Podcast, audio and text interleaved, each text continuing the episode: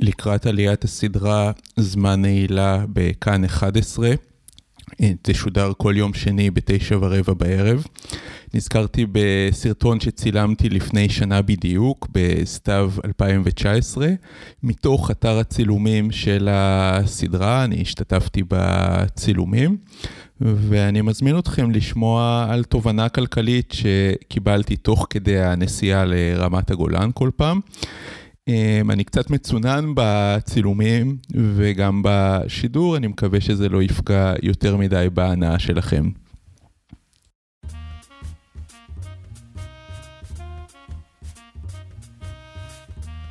אני מצלם את הסרטון הזה מקיבוץ אל-רום, אחד המקומות הכי גבוהים במדינת ישראל, גובה של 1,070 מטר, רמת הגולן. אמ, אני נמצא פה באכסניה מטעם ערוץ אחד, שהוא זה ששיכן אותי. אני משתתף בסדרה אה, על מלחמת יום כיפור.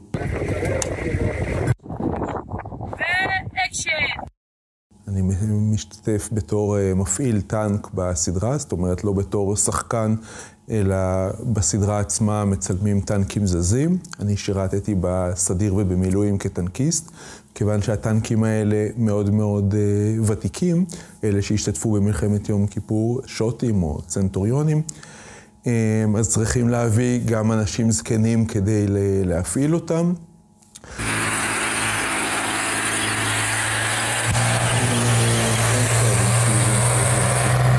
הטנקים האלה יותר, ולכן הביאו כמה מילואימניקים ותיקים, ואנחנו אלה שעושים מאחורי הקלעים את הפעלת הטנקים.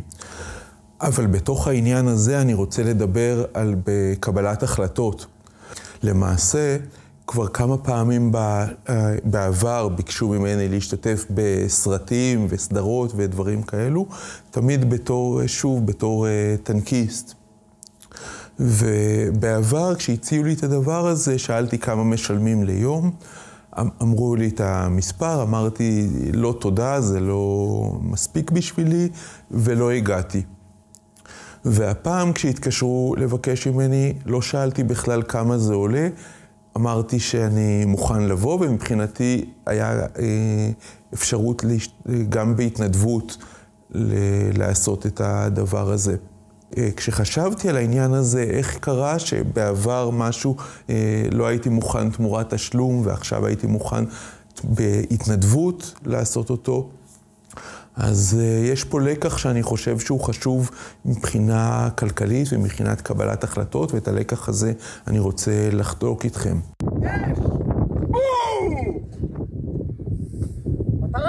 לא צריך להתבלבל, הרבה פעמים אנחנו uh, רוצים לחשוב שאנחנו uh, רציונליים, והנה הציעו לי איזושהי פעילות, אז אני בודק כמה משלמים ליום. אה, ואני רואה שבעבודה הרגילה שלי אני מקבל יותר, ואז אני אומר, לא תודה, אני לא רוצה להשתתף. אבל בעצם אה, צריך לעצור רגע ולראות, אולי בעצם הציעו לי להשתתף בחוויה שלא משנה כמה משלמים עליה, עצם החוויה היא דבר שכדאי לי לחוות, וזה בדיוק ההבנה שהייתה לי הפעם. אמרתי, וואלה, אחרי עשרים שנה, פתאום עוד פעם להפעיל טנק מצד אחד, מצד שני לראות איך עושים סרט. נראה לי מדליק, בכלל לא משנה, אני הייתי מוכן אולי אפילו לשלם, אם היו אומרים לי, רק כדי לראות איך כל הדבר האדיר הזה, ויש פה על הסט צילום עשרות אנשים, וכל העניין של איך לצלם, ואיך זה, איך נראים אפקטים מיוחדים. זה כל כך מדהים שהיום הזמנתי גם את, אשתי והבנות לראות את זה. אה, הן כמובן לא מקבלות כסף וכל זה. ופגשתי אנשים שהיו איתי בטירונות ולא ראיתי אותם 30 שנה וכל זה. הקיצר, רק הדבר הזה כבר היה שווה לי.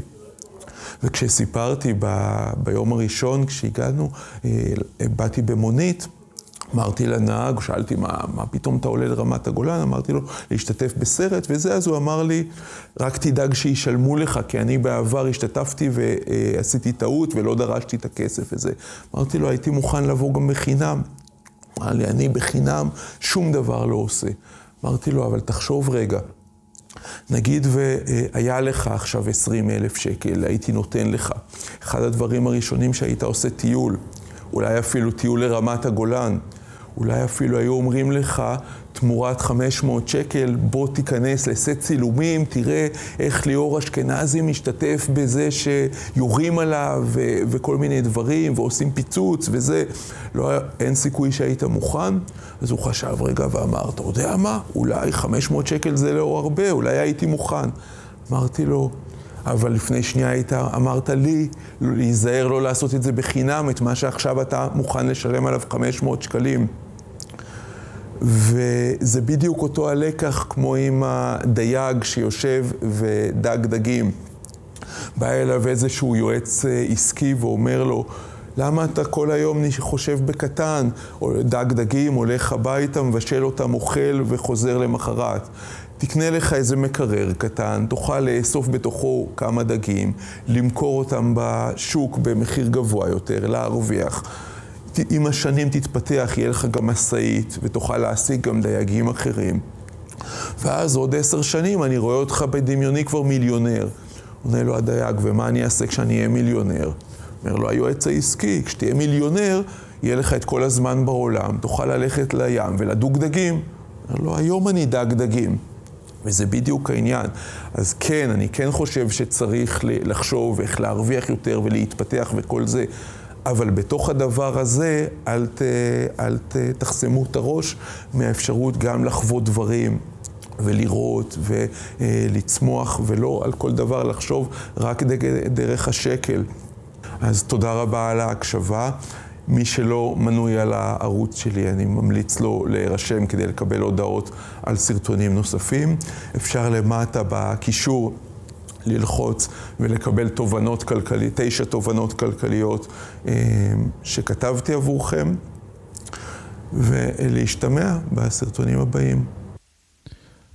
אני רוצה להקדיש את הסרטון הזה לחברי לנשק, אלון סמוכה. אשר אה, מאז הסדיר שירת במילואים עד מלחמת לבנון השנייה אליה נקרא בצו 8 ואותה לא שרד לצערי. אז הסרטון לזכרו וכמובן לזכרם של כל הגיבורים אה, ממלחמת אה, יום הכיפורים שבזכותם אנחנו פה.